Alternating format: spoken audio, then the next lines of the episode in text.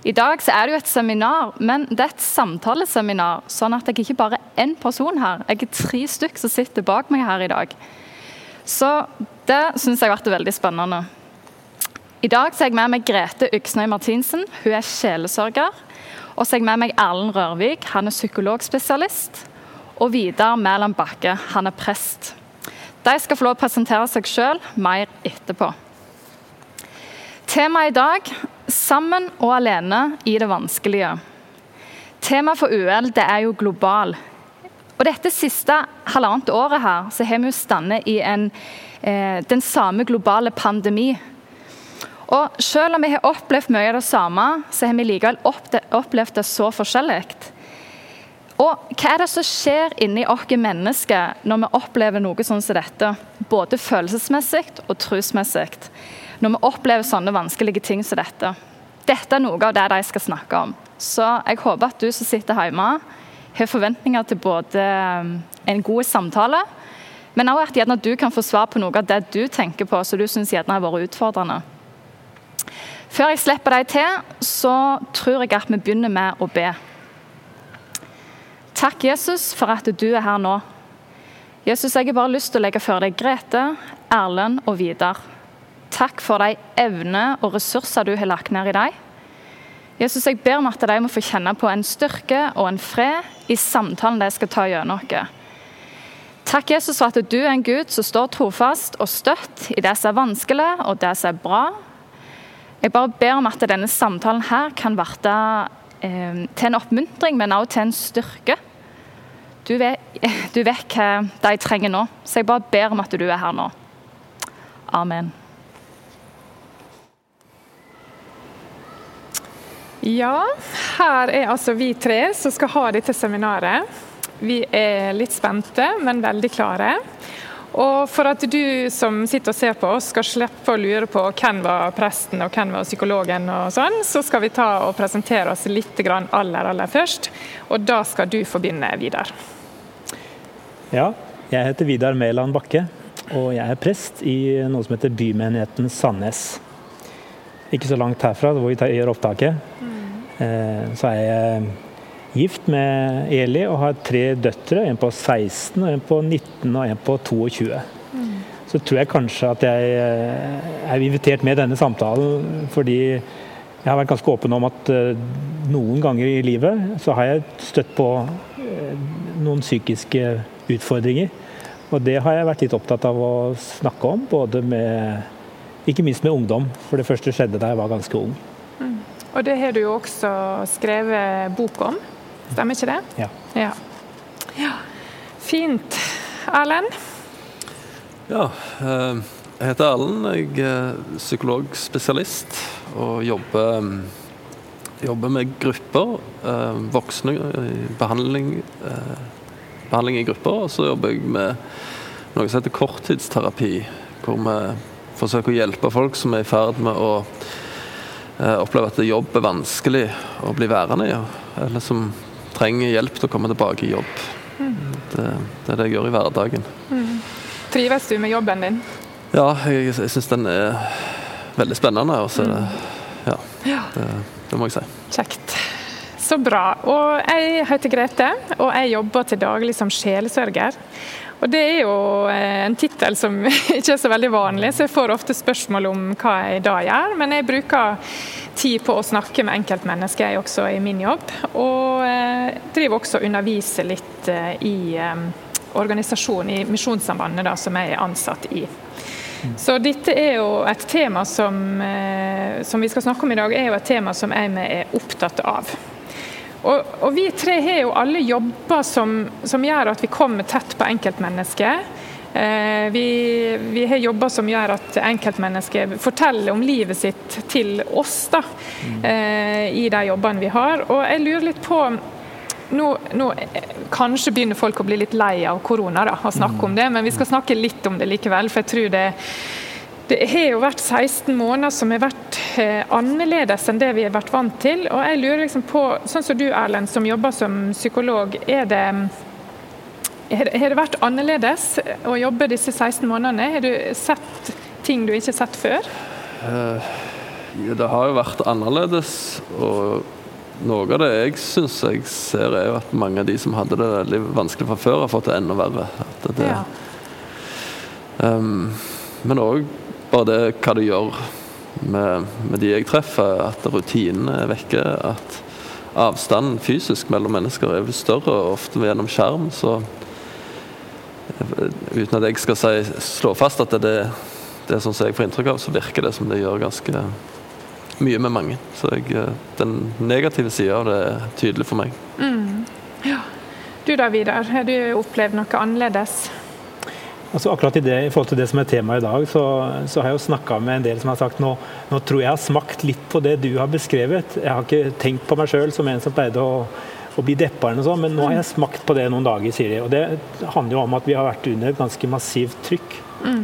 Som gjør at de aller, aller fleste har, eh, heldigvis vil jeg si, reagert.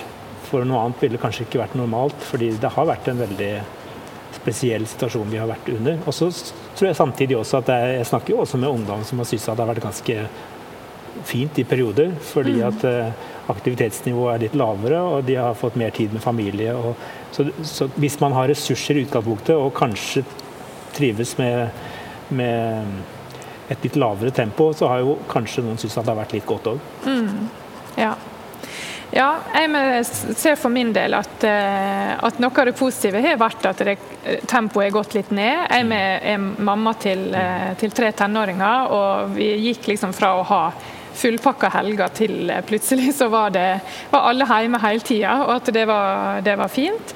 Men eh, gjennom jobben min så, så har nok noe av det som jeg har sett, er jo at det har vært ensomhet. da. Ja. At eh, det er klart at når, sånn som i Oslo, når det har vært veldig strenge tiltak over veldig lang tid, og at man fikk beskjed om å velge seg to nærkontakter, så er det jo noen som ikke blir valgt som nærkontakt. Noen som, som var sårbare fra før. og som da...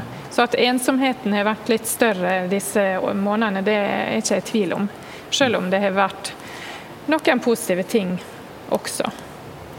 Um, og så er det jo forskning og tall som, som tyder på at eh, det er flere som har hatt det tøft psykisk eh, under pandemien enn ellers. Og så rammer dette også er kristne også. Eh, og, og noen spør seg kanskje liksom, men skulle ikke Gud beskytte på en måte sine barn, i hvert fall litt mer da, enn de som ikke er kristne? Er, er ikke skulle ikke det være noen forskjell på hvordan dette rammer oss som tror, og de som ikke tror? Hva, hvordan ville du møtt sånne spørsmål, eh, Vidar? Du som er prest. Ja. Og først så er det jo et av de eldste spørsmålene som eh, vi møter i Bibelen, i, i Salmenes bok. For de som leser disse bønnene i Gamletestamentet, som, eh, som kanskje er mer enn 3000 år gamle, noen av de, så er det et spørsmål som gjentar seg. Altså Hvorfor er det sånn, Gud, at du lar, der, lar de som eh, virker som de ikke tror på deg og ikke følger deg, eh, ha det bra, mens vi som forsøker å gjøre alt riktig, vi, vi opplever så mye vond, vondt og smerte. Så dette er jo et spørsmål som har ligget og dirret gjennom hele historien. Og, og så tenker jeg at det er faktisk ikke annerledes for de menneskene og heltene vi møter i Bibelen, både i Det gamle og Nytestamentet og oss. Altså vond- vonde ting og sykdom, det rammer oss alle, og egentlig ganske urettferdig tilsynelatende. Vi får egentlig aldri helt svar på hvorfor det rammer den, og hvorfor det ikke rammer den. Mm. Jeg tror jo likevel det er en forskjell å ha en tro med inn i møte med smerte, både psykisk smerte og, og, og sykdom. Og det kan vi jo snakke litt om her i dag. Ja. ja, jeg husker jeg hadde en lærer eh, på et studie som jeg tok, og hun sa at vi, vi, må, vi må godta at vi lever under de samme livsvilkårene. Og Det er kanskje et litt sånn vanskelig ord, men, men at faktisk så rammer det er urettferdig, da, sånn tilsynelatende i våre øyne iallfall, både sykdom og smerte, også oss som er kristne. Og det har vi jo virkelig sett gjennom denne pandemien. Og så husker jeg når vi snakka sammen på forhånd her, så jeg lurer på om det var du Erlend, som sa det at til og med Jesus kjente jo også på sykdom og smerte. Og det står jo noe om at han opplevde Jeg vet ikke om du vil beskrive det som angst, da, du som er psykolog. Det han opplevde i Getsemane. Ja, ja jeg, det, det er spesielt det, det som for meg høres ut som at han hadde veldig sterk angst. Og, og, og jeg bare sier det er tydelig angst det er ikke en psykisk lidelse, det er en følelse som alle har. Mm. Men det å For meg så slår det jo det meg som et, et, et ganske tydelig eksempel på at det er ikke noen kan ta ut av den pakken som livet er. Ja. At livet er en, en pakke, mm. og i den pakken så ligger det smerte. Der ligger det angst, der ligger det fortvilelse, mm. og så ligger det glede og og, og, det å føle seg eh, ja, vital, levende. Mm. Det ligger masse der i den pakken, men òg smerten uten eh, det, det, er ikke en realistisk det er ikke realistisk bilde på hva livet er for meg, at noen skulle være uten de vonde tingene der. Nei. Nei. Så tenker jeg også at eh, Selv om vi ikke skal si at det er en mening med alt som skjer, og, og mening med all lidelse, og at det er veldig mye som er urettferdig, så tror jeg også vi må huske å si at uh, det å kjenne på både fysisk og psykisk smerte, det er kanskje også en nødvendig del av det å være menneske. Eh, det, å være, det fins jo sykdommer i dag eh, eller det finnes sykdommer som er, der sykdommen handler om at man ikke lenger kjenner smerte. Og det fører til veldig mye vondt. F.eks. spedalskhet har, har, dette i seg. Og Det tenker jeg er en sånn påminnelse om at uh, vi er jo skapt med et sånt uh, alarmsystem som skal reagere på press utenfra. Og det er også med å beskytte faktisk oss Uh, nå i koronatiden at, at, vi faktisk har reagert. fordi at dette var noe vi måtte forsvare oss mot, og det er noe vi må ta på alvor. Hadde vi ikke reagert og kjent på smerte, kjent på kroppen, så hadde det egentlig vært noe galt med oss. Mm. At det er normale menneskelige reaksjoner, ja. og kanskje på unormale hendelser. da, I mm. denne, denne perioden har det vært det. Um, du Ellen, har snakka en del om om dette med å alminneliggjøre smerten. Kan ikke, du, kan ikke du si litt om hva du tenker om det? Ja, det kan jeg. Først og fremst så Jeg jobber jo i et felt hvor, hvor det som gir um, Det som gir tilgang på, på helsehjelp i, i Helse-Norge, det er hvis en har en diagnose. Og det mm. betyr at det, en, en, tenker at en har det vanskelig på et bestemt sett måter, og så blir det ofte kalt psykisk sykdom. Men for meg så er det nettopp derfor blir det veldig viktig for meg å si at eh, psykisk sykdom eh, Ja, vi kaller det når det er veldig vanskelig på sånn og sånn måte. Men det er egentlig ikke noe annerledes enn sånn det er å være menneske. Vi har det vanskelig, alle mann. Eh, noen ganger godt, men ofte vanskelig. Mm. Um, og, og, for meg så blir det viktig å si at eh, eh, ja, det å ha det vanskelig psykisk, det er ikke en, det er ikke en sykdom. Det er ikke noe å, å, å, regne med at det ikke skal skje. Og så er det ikke en rettferdig verden i mine øyne. Det, det er veldig ujevnt fordelt hvor vondt noen har det, og hvor, hvordan noen, selv om de ikke er helt forskånt, så, så, så, er det mange som har det mindre enn andre. Sånn, så det er ikke en rettferdig verden da. Nei. Men for meg å ikke si at det, de som får, får, hjelp hos oss der jeg jobber, mm. og de som ikke gjør det, det er ikke to forskjellige grupper mennesker. Det er de Nei. samme tingene de opplever, så er det noen som opplever det så mye at de trenger den ekstra støtten som vi prøver å gi. Mm. Tenker du at vi av og til snakker litt uklokt om disse tinga, og sykeliggjør på en måte normale menneskelige reaksjoner? Tenker du det, at vi gjør det? Det, det kan godt være vi gjør av og til. Mm. Og, jeg, Derfor foretrekker jeg også å snakke med, med andre ord enn sykdom. Når snakker om psykisk lidelse. Jeg mm. liker også å si sånne ting som at en sitter fast, eller at en, en har det veldig vondt. Mm. Og der, sykdom er et ord som er meint å, å hjelpe oss å, å liksom sortere i hva vi opplever, men jeg syns kanskje av og til det forvirrer oss mer enn det hjelper oss. Jeg, jeg liker ikke egentlig ordet sykdom. Kanskje, kanskje, rart med tanke på at jeg jobber i, i et sykehussystem, men, ja. men det, men, men uh, Erlend, uh, jeg tror, det, jeg tror, det, er kjempeviktig å snakke om dette, at det norm, de normale følelsene. Det at ungdom gjennom dette året, da, litt sånn som du med seg Vidar, har opplevd seg deppa. Det er jo et ord som man gjerne bruker. Eller i hvert fall opplevd seg mer trist enn vanlig. Mm. Uh, man har ikke fått treffe venner sånn som man har vært vant til. og sånn. Men, men uh, så er det jo et sånn knekkpunkt. Da, eller der er jo et punkt der det går fra å være liksom dette mer noe sånn normale, til at man trenger hjelp. Kan du si noe klokt om det? når, når, er det sånn at en uh... altså, Først og fremst må jeg bare si at det er hele tiden sånn i livet at vi trenger trenger hverandre. Det er ja. ikke så veldig realistisk at vi skal klare å, å, å romme alt det som er vondt og vanskelig i livet på egen hånd. Og noen ganger så blir det så mye så overveldende at eh, en kanskje ikke finner de, eh, den hjelpa som en trenger i sitt nettverk. Og, og, heldigvis så har vi jo veldig mange muligheter i Norge. Mm. Og, så jeg, jeg, for, for, å gjøre det litt sånn enkelt, så vil jeg tenke at hvis jeg kjenner at nå er det for mye, og helst litt før det har blitt for mye, så gå til legen og fortell. Og mm. de er, i det systemet har en, en veldig god inngangsport og, og får mye god hjelp. Mm. Uh, så er det forskjellige måter der en kanskje blir uh, uh, vist videre. da. Mm. Forskjellige hjelpetilbud. Mm. Men, jeg, men jeg, igjen da, så blir det kanskje viktigere for meg å understreke det at det, det å trenge hjelp, det, det trenger vi alle mann hele tida. Mm. Det, det, er såpass vanskelig dette livet ofte. Mm. At um, ja. Det syns jeg er fint å poengtere. og det tenker jeg med at sånn sett kristent fellesskap, da, Vidar, du som er prest i en menighet, skal jo også være en plass der man kan ikke få, ikke få behandling, men få hjelp og støtte. Kan du si noe om eh, akkurat dette har ikke vi snakka om på forhånd, men liksom fraværet av det fellesskapet gjennom mm. pandemien, hvordan det har vært for dere som driver menighet? Jeg tror det har vært eh, veldig tøft, for, spesielt for de som ikke har eh, familie rundt seg hele tiden. Og noen har beskrevet at det å de har kanskje vært på jobb i løpet av uka der de treffer folk, og så har helgene blitt veldig lange. Ja. Og det da ikke ha muligheten til å treffes i et uh, fysisk fellesskap på søndagen, det har vært uh, krevende.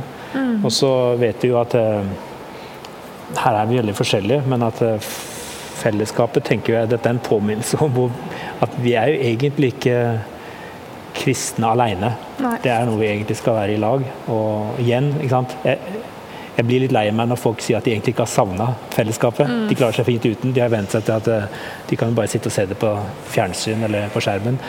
Eh, og så blir jeg ekstra glad når folk sier at de, nå skal de møtes igjen, at det faktisk er viktig for dem. Eh, for det er normalen. Mm. Ja. Um, nå har vi blitt minnet på det at vi, trenger, at vi kan hjelpe hverandre. Og så har jo du, Vidar, din historie, litt mm. sånn som du sa innledningsvis. Um, og at du, eh, du måtte jo ha ordentlig hjelp, mm. da, for å bruke et sånt ord. Du måtte ha profesjonell hjelp. Kan ikke du bare si bitte litt om mm. det, og så også denne her historien om mm. en venn som kom, var til hjelp for deg? Ja, dette var jo så langt tilbake som 1989, og da var det ikke så vanlig eh, enda å snakke om uh, dette med psykisk helse for ungdom. Mm. Så når jeg ble rammet av det som etter hvert ble en ganske tøff depresjon da, i, Hvor gammel var du da? Da var jeg 15 år. Mm. I 9. klasse så eh, så gikk jeg fra å være en veldig aktiv og glad og ivrig gutt, engasjert til mye, til eh, å lukke meg helt inn i meg sjøl, i hvert fall i forhold til venner og folk på skolen. Ble veldig stille. Ble veldig, gikk og grublet mye og tenkte mye, og snakket stort sett bare med de nærmeste. Jeg hadde gode foreldre, heldigvis, som støtta meg. og Eh, og noen andre voksne. Men jeg husker spesielt på akkurat det der at eh, det var så nytt og ukjent, dette fenomenet, at det var vanskelig å sette ord på overfor de som var rundt meg. Og så husker jeg en, en eh, søsknene mine, jeg har veldig flotte eldre søsken, men ingen bodde hjemme, for de er ganske mye eldre. Vi hadde en som nesten da ble som en slags storebror tenker jeg, ettertid, fordi han, han var to år eldre. Han visste heller lite om dette her. Heller ikke så mye om dette. Eh, men kanskje foreldrene hans hadde sagt at du, du må kanskje ta kontakt med Vidar nå. Og så gjør han det på et tidspunkt. Han ringer meg på en av de ganske tunge dagene, sikkert en lørdag, og sier du i dag skal vi på skitur. Og jeg sier nei, jeg orker ikke skitur. Kan du bare glemme. Jo, eh, i dag skal du være med meg på skitur, sa han. Og så drar vi opp på Strandafjellet, og vi går innover vidda, opp på en eh, topp. Og vi går ned igjen. Og jeg husker at vi snakket omtrent ikke med hverandre i det hele tatt. Vi bare gikk. Og det var sikkert rart for han, og det var litt rart for meg. Men når jeg kom hjem den kvelden og hadde tatt meg ut og gått sammen med han, vært i lag med han på den måten, så kjente jeg en sånn en, ja, en tilfredshet først, for første gang på, på, lenge. Jeg la meg og sov godt den natta. Og det har vært en sånn påminnelse til meg om at eh, når vi, når vi har venner rundt oss som plutselig forandrer seg eller lukker seg inne og blir blir litt annerledes enn det vi er vant til, så blir vi ofte litt redde. Hva skal jeg gjøre? Hva kan jeg gjøre? og det å være, være, en venn og ikke nødvendigvis si så mye, men være sånn som denne Kårstein, da, som bare dro meg ut på en aktivitet og ikke tok et nei for et nei med en gang. Men sånn, dette gjør vi i lag, Vidar. Eh, han tror ikke han visste hvor mye, det betydde, hvor mye det betydde for meg eh, akkurat da, at han valgte å gjøre akkurat det som en jevnaldrende, litt eldre men en jevnaldrende kamerat. Det er oppfordringen til oss alle når, når vi ser dette rundt oss. Jeg ser dere liksom for meg gå der uten å snakke. Ja. og bare trø på ski. Ja. Men jeg tror, jo, jeg tror jo de som er bekymra for en venn eller venninne, kan, kan, være litt sånn redd for å si noe feil eller gjøre feil. Tenker du Erlend, at, eh, at man som venn kan liksom gjøre ting veldig mye verre for noen som har det vanskelig? Nei. Altså, med, med ønske om å være en venn, så så vil det i, i verste fall lande eh, nøytralt. Mm. det, det, altså det, som Vidar sier, at uh, Kårstein, som vennen din heter, ikke visste hva det betydde for deg. Det høres ikke ut som du heller visste hva det betydde for deg underveis. Ja. Og, og, og, sånn kan det gjerne være òg. Det, det, kan godt være at det er litt eh, klamt. Det kan godt være at det ser ut som at det bare er en, en rar tur, men jeg jeg tror den intensjonen ofte bærer fram noe veldig godt. Så det å få de som strever så mye at jeg treffer de i, i vår sammenheng, så er det å ha gode venner som ikke gir seg, eh, en veldig, veldig viktig ressurs. Mm. Samtidig som at jeg, eh, jeg tror ikke en trenger å legge på seg sjøl at en skal gjøre det på en bestemt måte, og iallfall ikke prøve å være profesjonell på noen måte. Eller, en, eh, ja. Nei, for det er jo litt viktig at man ikke blir psykologer for hverandre, og kanskje spesielt disse som er veldig unge. At man, man slipper man skal, ikke, man skal ikke bære hele den andre, men den kan være en som står på sida. Og så er det kanskje sånn at når, de, når, eh, man har det vanskelig, så klarer ikke man alltid å gi så god respons. da, Så den som er venn, kan kanskje ikke forvente å få en sånn hurra for denne skituren, da, men, men at du kjente likevel at det var godt for deg og kanskje fikk han vite det seinere. Jeg, jeg, jeg, tror ganske mange venner kan kjenne på litt sånn avvisning. Altså, mm. Nå prøver jeg å være ok, nå prøver jeg å bry meg, og så, og så, får jeg ikke et smil engang tilbake. Og det er litt sånn det er når du er inne i denne lille tunnelen. Da, eller at vi klarer ikke å, måte, å gi uttrykk for glede og takknemlighet. Um, men uh, det kan bety noe likevel, og ofte så går det mer inn enn det vi tror, og så blir det noe som vi kanskje blir veldig takknemlige for i ettertid. Så, mm. så av det gjør vi det vi kanskje tror er riktig, uten å få den veldige bekreftelsen på at å, nå var jeg en god person, nå brydde jeg meg. Eh, det får man ikke alltid der og da fra en som er neppe psykisk. Så må man kanskje bare holde ut litt mm. som venn. Og så, og så, tror jeg litt sånn som du har sagt, Ellen, at dette er så vanlig at, at de aller, aller fleste av oss vil på et eller annet tidspunkt i livet være den som trenger hjelp. Da. Så det å tenke at ok, nå, nå, eh, er det den andre som trenger hjelp, og kanskje på et annet tidspunkt vil det være min tur. Og det liksom minne seg sjøl på det men kan være en, en bra ting. da. Og så er det jo sånn at, eh, at, der ute da, i den store verden så er det mange som eh, kommer med tips og triks. Og, er, så, og jeg tror den generasjonen som vi prøver å si noe til nå, er jo veldig vant til å søke svar på internett og på sosiale medier og sånn. TikTok og forskjellig. Og Der kommer det jo mange tips til hva man kan gjøre for å få det bedre sjøl når man har det vanskelig. Og Noen tips er kanskje gode, men så er det kanskje andre Eh, tips som ikke er så gode. Kan man f.eks. Eh, kan man f.eks. Eh, bare bestemme seg for å slutte å tenke på det som er vanskelig, Erlend? Er det liksom et godt tips? Det, det går an å prøve, men jeg tror det er et veldig dårlig råd. Mm. Um, det Nei, det, det, det, handler jo om å på en måte respektere seg sjøl for den reaksjonen vi har når jeg møter noen i en hvilken som helst sammenheng, og jeg opplever at eh, før du er OK, så må du forandre deg, så føler jeg, føler meg litt respektert, jeg føler meg litt vel. Mm. Og, og, det er kanskje noe av den måten vi møter oss sjøl ganske ofte på. Um, og det, det å skulle tenke på en annen måte, eller bare gjøre en eller annen teknikk for å få det på en annen måte, kan mm. ofte virke på den måten som at det, det er lite respektfullt overfor oss sjøl vi tillater ikke oss å ha en helt naturlig reaksjon, f.eks. på som ensomhet i en tid mm. som koronapandemien. Mm. hvis jeg skulle prøve å tenke meg ut av at jeg savner å ha mennesker rundt meg, som mm. ser meg, som jeg kan snakke med, le sammen med, så er det lite respektfullt. Det er som å si til meg sjøl 'skjerp deg, Erlend'. Bit henne sammen. Så jeg, jeg, jeg, tenker litt at um, det er mange gode teknikker, men en bør begynne et litt annet sted enn veldig mange av de teknikkene foreslår. Ja, for du er vel opptatt av det med rekkefølge, har du sagt når vi har snakka om dette? Mm, jeg tenker en, en noen knagger som jeg syns er nyttige, da, Eh, gjenkjenne, eh, akseptere, Mm. eller, og så spør meg sjøl hva trenger jeg nå? Mm.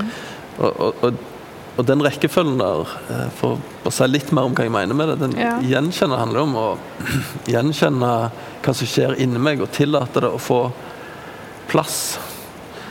For hvis jeg kan først tillate meg å ha plass, så, så vil det være lettere for meg å hjelpe meg til et annet sted. Litt, litt sånn at For å dra fra et sted, så må du først komme der.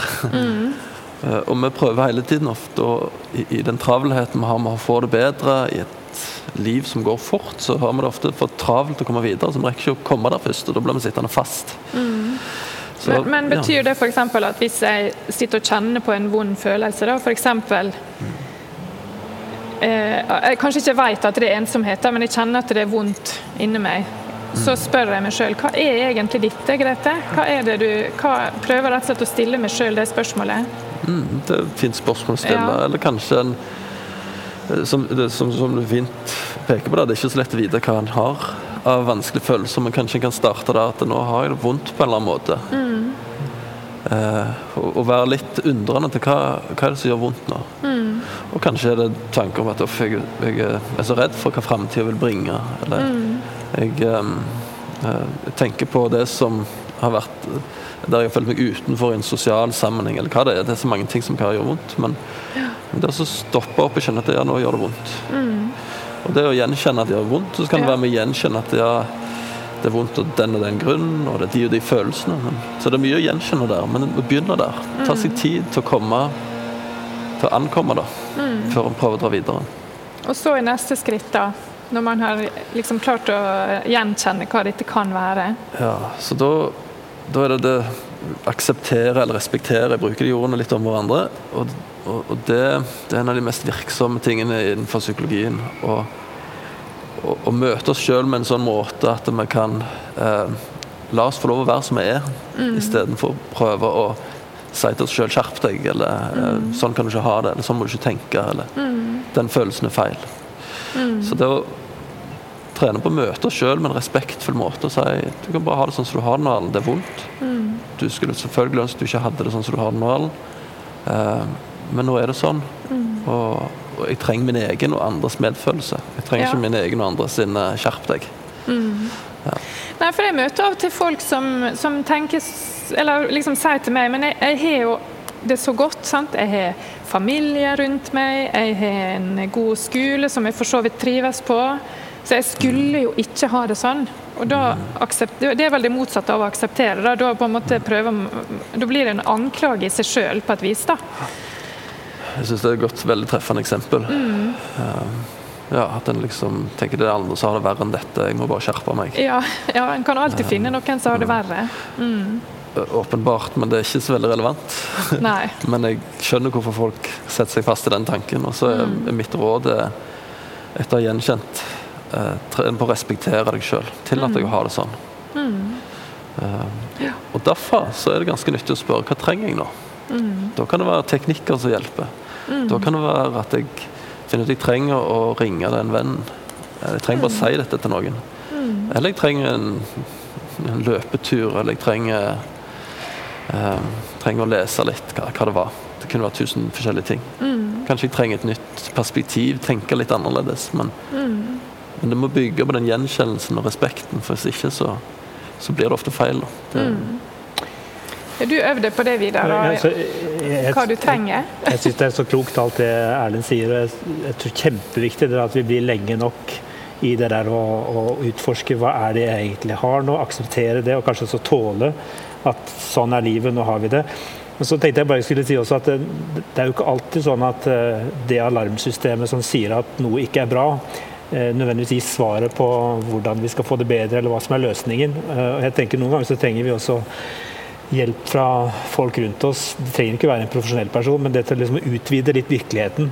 For jeg tror noen ganger så blir min egen virkelighet, og sånn som jeg ser ting, spesielt når jeg har vært litt nedpå psykisk, eh, litt deppa eller mer alvorlig deppa, så er det jo akkurat som om blikket mitt og sanseapparatet mitt eh, dempes ned, og mm. jeg ser ikke verden helt sånn som andre gjør det.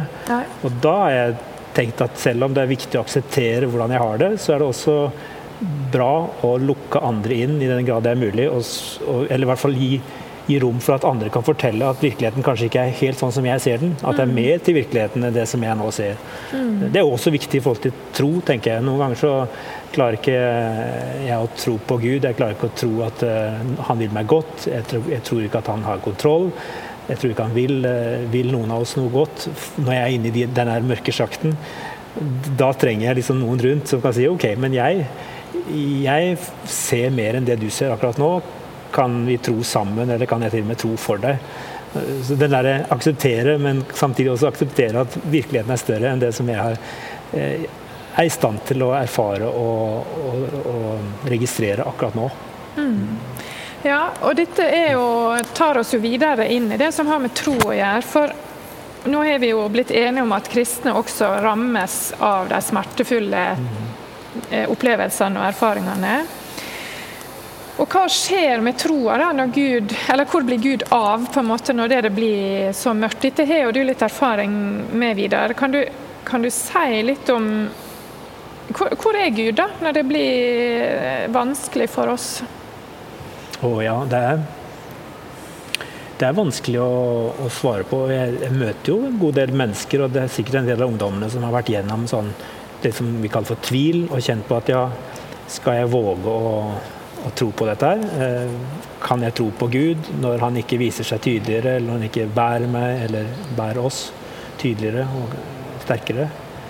Um, og Det var sånne spørsmål som kom i kjølvannet av uh, mine depressive tanker da jeg var 15, mm. og det kommer av og til igjen fortsatt. Men um,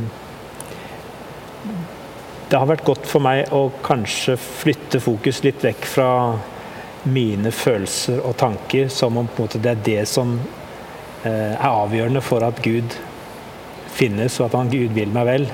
Eh, det har vært godt for meg å minne meg sjøl på at eh, selv om det er mye bra å hente fra følelseslivet mitt og tankelivet, og det er mye riktig og bra, så, så, bygger jeg ikke på en måte min tro på, på det. I hvert fall ikke det alene. Mm. Eh, for meg så er det naturlig å si at ja, vi har en, en, en fortelling med men, mennesker som har møtt Gud gjennom mange år. Og, og, mange av de har også hatt tøffe ting, men de har også vitnesbyrd å fortelle om. Og det er skrevet ned i, i Bibelen, og gjennom kirkens historie også, så har vi disse fortellingene som jeg er en del av. Mm. Og da betyr det ikke så mye om ikke alt skjer med meg, om ikke alt bekreftes i mitt liv, men i fellesskapets liv så har det skjedd ting og blitt bekreftet ting. Og, og den fortellingen er jo den som kulminerer med Jesus og det han gjør for oss. At det er like sant og reelt, selv om jeg ikke alltid kjenner noe sånn veldig hjerteforhold og kjenner det så veldig godt å være eh, troende og, og kristen. For jeg tror det er en sånn, et bedrag, kanskje. Mm. Selvbedrag. At vi tror at når vi er kristne, så skal vi alltid føle, føle så sterkt. eller være så overbevist eh, følelsesmessig. Men vi får til å hvile i noe som er større enn oss. Kan man, kan man, rett og slett i perioder få lov å lene seg på andre sin tro? Ja, jeg tror det. Jeg tror det er mm. viktig at vi sier det. Ikke minst til dere som er ungdom. Så pleier jeg å si det at uh, ikke, ikke, hør på de som sier at det er du som skal ta et uh, valg, og det står og faller med det valget du tar i dag, uh, og du vil gå den dit eller dit noen ganger så tenker jeg at vi setter, gir så mye ansvar til enkeltmennesker. Det gjør de ikke andre steder i verden. Da er det mye mer fellesskapet som, som bærer dette sammen. Og da kan vi ha en dårlig dag og kjenne at i dag vet jeg ikke helt hva jeg skal kalle meg. Men det betyr ikke så mye, fordi at eh, jeg er i en større familie, storfamilien, mm. som, som, tror. Mm. Eh, og og så tror jeg eh, det er farlig å drive og karakterisere andre generasjoner enn vår egen. da.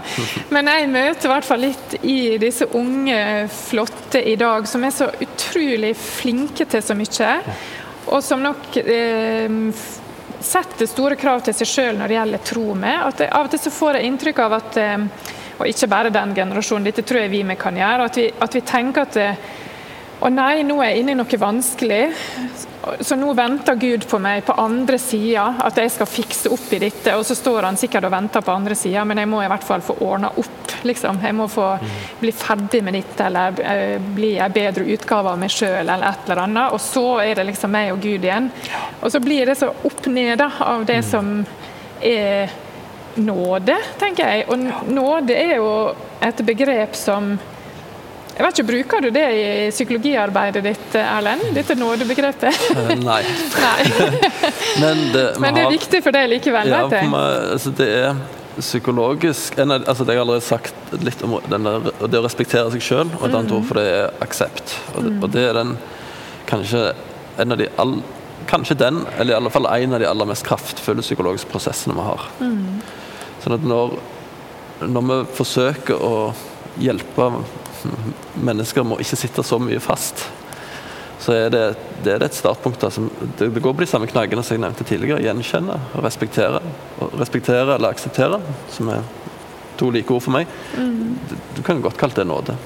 Nåde. Eh, også i, i, i nådeord så ligger jo òg et, eh, et eh, større perspektiv, selvfølgelig. Eh, men nåde er et kjempefint ord. Og, og jeg tror det er det er et enormt potensial for frihet òg i det levde liv. Eh, Det er enormt potensial for psykologisk frihet i nåde. For vi snakker jo ofte om at folk er gode nok. Sant? Du, må bare, du må bare vite det at du er god nok. Men, men du Vidar, er litt sånn uenig i at vi bruker det uttrykket så mye? Ja, jeg, jeg tror det er veldig godt ment, og ofte er det riktig å si også at vi er gode nok. Litt i den forståelsen at, eh, at vi skal møte hverandre med raushet og nåde og selvaksept og alt dette her. Og så tenker jeg at som, eh, som, som kristen og prest så har jeg kanskje behov for å si at nei, vi, vi er ikke gode nok. Eh, men det er på en måte derfor vi trenger nåde. At det å være god nok, det er eh, det signaliserer på en måte at eh, Litt av denne flinkheten også, tror jeg. Og, og denne opplevelsen av at vi, vi skal prestere, og at, eh, at vi, liksom pass, vi, vi er gode innenfor en sånn skala. Men jeg tror kanskje vi alle trenger, jeg trenger det som eh, godt voksen mann. Ungdommen trenger å høre at eh, Nei, kanskje du ikke er god nok, men du er elsket uavhengig av hva du har gjort og hvor god du er. Mm. Det er kanskje det unike budskapet vi har å komme med som kristne. da. Mm.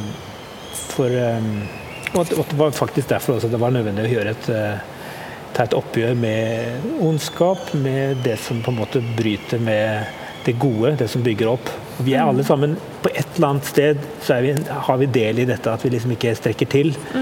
Eh, og da, det, det tenker jeg veldig godt. Og så og så tror jeg også at det nådebudskapet er viktig i, eh, i forhold til denne flinkhetstankegangen som er blitt veldig fremtredende i, i den generasjonen som eh, mine barn er en del av. Eh, Der jeg, opplever jo at de, eh, de er veldig flinke, og de gjør veldig mye bra. De tar veldig mange gode valg. Eh, og så er det så fryktelig lett å få anerkjennelse på det. Og så er det en sånn stemme inni hodet som sier det, det er fordi jeg gjør det bra. Det er fordi jeg presterer, det er fordi jeg får det til, at jeg er elska. Ja, og da, selv om det egentlig ikke er det vi foreldrene mener og sier, så, så suger vi så lett til oss. Det gjorde jeg også da jeg var ung. Sugde så lett til meg den der, det som jeg gjorde som var bra. Så når den dagen kom da jeg ikke klarte å prestere lenger For for meg var det sånn fra en dag til en annen. Ingenting på skolen, ingenting fungerte. Alt var bare elendig. Da raste også veldig mye av eh, både trosgrunnlaget mitt og identiteten min. For jeg hadde bygget, bygget så mye på det at det, det skulle fungere, at det skulle være bra. Og at kanskje det var til og med Gud som ga meg det. Så, så, så da måtte jeg liksom bygge opp en tro på nytt som bygde på Ok, men det er ikke det, er ikke det at jeg presterer eller får det til, det er nettopp det som er nåde.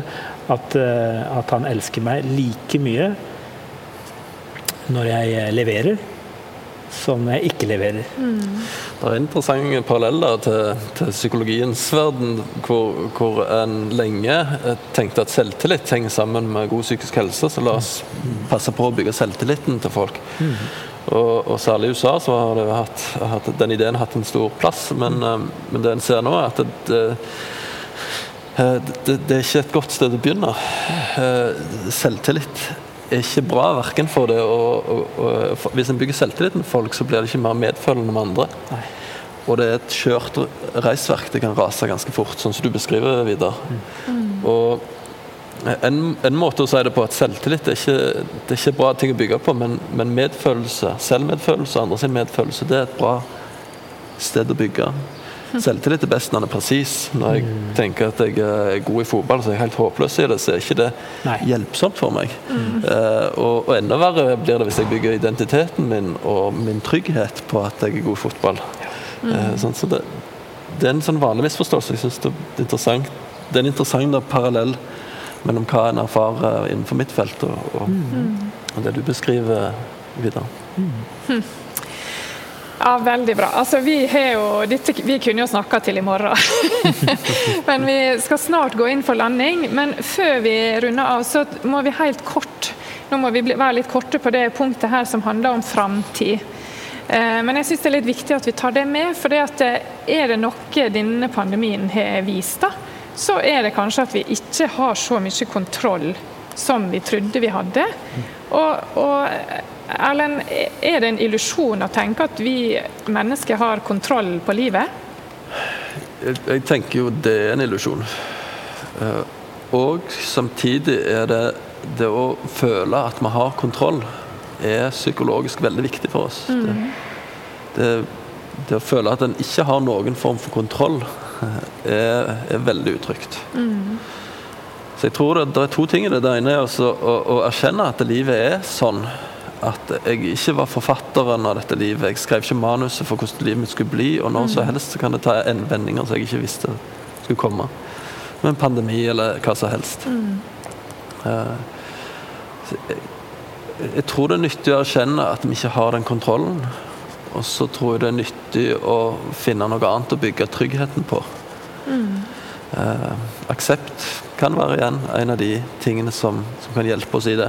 Eh, men eh, men det, er et, det er et stort spørsmål, egentlig. Ja. ja, for at hvem hadde trodd eh, bare en måned før eh, mars 2020 at, at det skulle bli sånn som det, det ble? Og, og den erfaringa har vært litt sånn rar, altså. At vi fra uke til uke i periode, spesielt i førsten der, ikke visste hvordan det blei. Og, og du som, som prest, Vidar, hva, hva tenker du om Gud oppi det? da? Framtida, hva kan vi som mennesker få lov å tenke om framtida? Altså, uten på noen måte å gjøre pandemien til en sånn ting som det er mening i igjen. Men likevel så har jeg på en måte tenkt at vi har hatt litt grann godt av i trygge Velferds-Norge å oppleve en sånn tilstand av å ikke vite helt hva som skjer. fordi at eh, det er jo egentlig virkeligheten. At vi vet ganske lite sånn menneskelig sett om framtida, om, om hva som vil skje med, med verden. Men det er jo det som gjør at jeg er veldig glad for å være kristen og tro på en gud. Fordi at eh, jeg har kjempetro på ressursen som ligger i oss mennesker. Jeg har kjempetro på ressursen i den generasjonen som vokser opp. Jeg, jeg er så stolt av hva de skal gjøre for at jorda skal bli bedre å leve på. Og så er jeg også veldig glad for å kunne si at det er ikke det er ikke mine barn som skal frelse verden og som skal fikse alt. Det er det heldigvis han som har kontroll på. og eh, selv om han ikke går inn og, detaljstyrer oss i, i mikrohandlinger, så er vi del av en stor fortelling, og den vet vi hvordan, hvordan begynte. Vi vet hvordan den, eh, på en måte Jesus arbeider med, med frelsesverket. Hva han har gjort, og hva han skal gjøre. Og Det er der jeg plasserer mitt liv, og jeg ønsker å plassere måte barna mine sitt liv inn i den fortellingen. Jesus han er i framtida. Han, har- vært der, for han er ikke tid det samme som for oss. Så han vet hva som skjer. Og når jeg snakker med han, så, så vet jeg at jeg tror og forholder meg til en som, eh, som har oversikten, og, som ikke jeg har. Og det, det er veldig godt å leve i. Ja, Kjempefint. Da, hvis jeg skal prøve å runde litt av da, og lage en liten oppsummering av det vi har snakka om, så er det jo at, at denne pandemien den har vist oss en, en sannhet om menneskelivet. Og det er jo at vi har ikke helt kontroll på alt som vil møte oss. Eh, og at vi som er kristne, vi er utsatt for det samme, press, samme presset som andre. Kan oppleve psykisk stress, kan oppleve ja, lidelse og død. Kan også vi som er kristne oppleve. Men så vet vi at vi har en Gud som er her, og som ikke trekker seg vekk fra verden. Og Det tror jeg er liksom viktig å minne oss på at pandemien var ikke en unntakstilstand for Gud. Han har vært her hele tida. Mm. Eh, og han er en som, som, lider med. Så da har vi lyst til å takke for oss her fra, fra Amfiet. Og jeg har lyst til å gi en liten oppfordring til slutt til dere som har hørt på seminaret. Husk det at vi som er mennesker, vi trenger hverandre. Det er ingen av oss som er meint å gå alene med smerte. Om det er indre eller ytre smerte, så er det meint at vi skal dele med hverandre. Så husk det, du som har hørt på dette, og ikke bli gående alene, men del det med noen. Og så eh, hjelper vi hverandre i fellesskapet. Takk for at du fulgte med.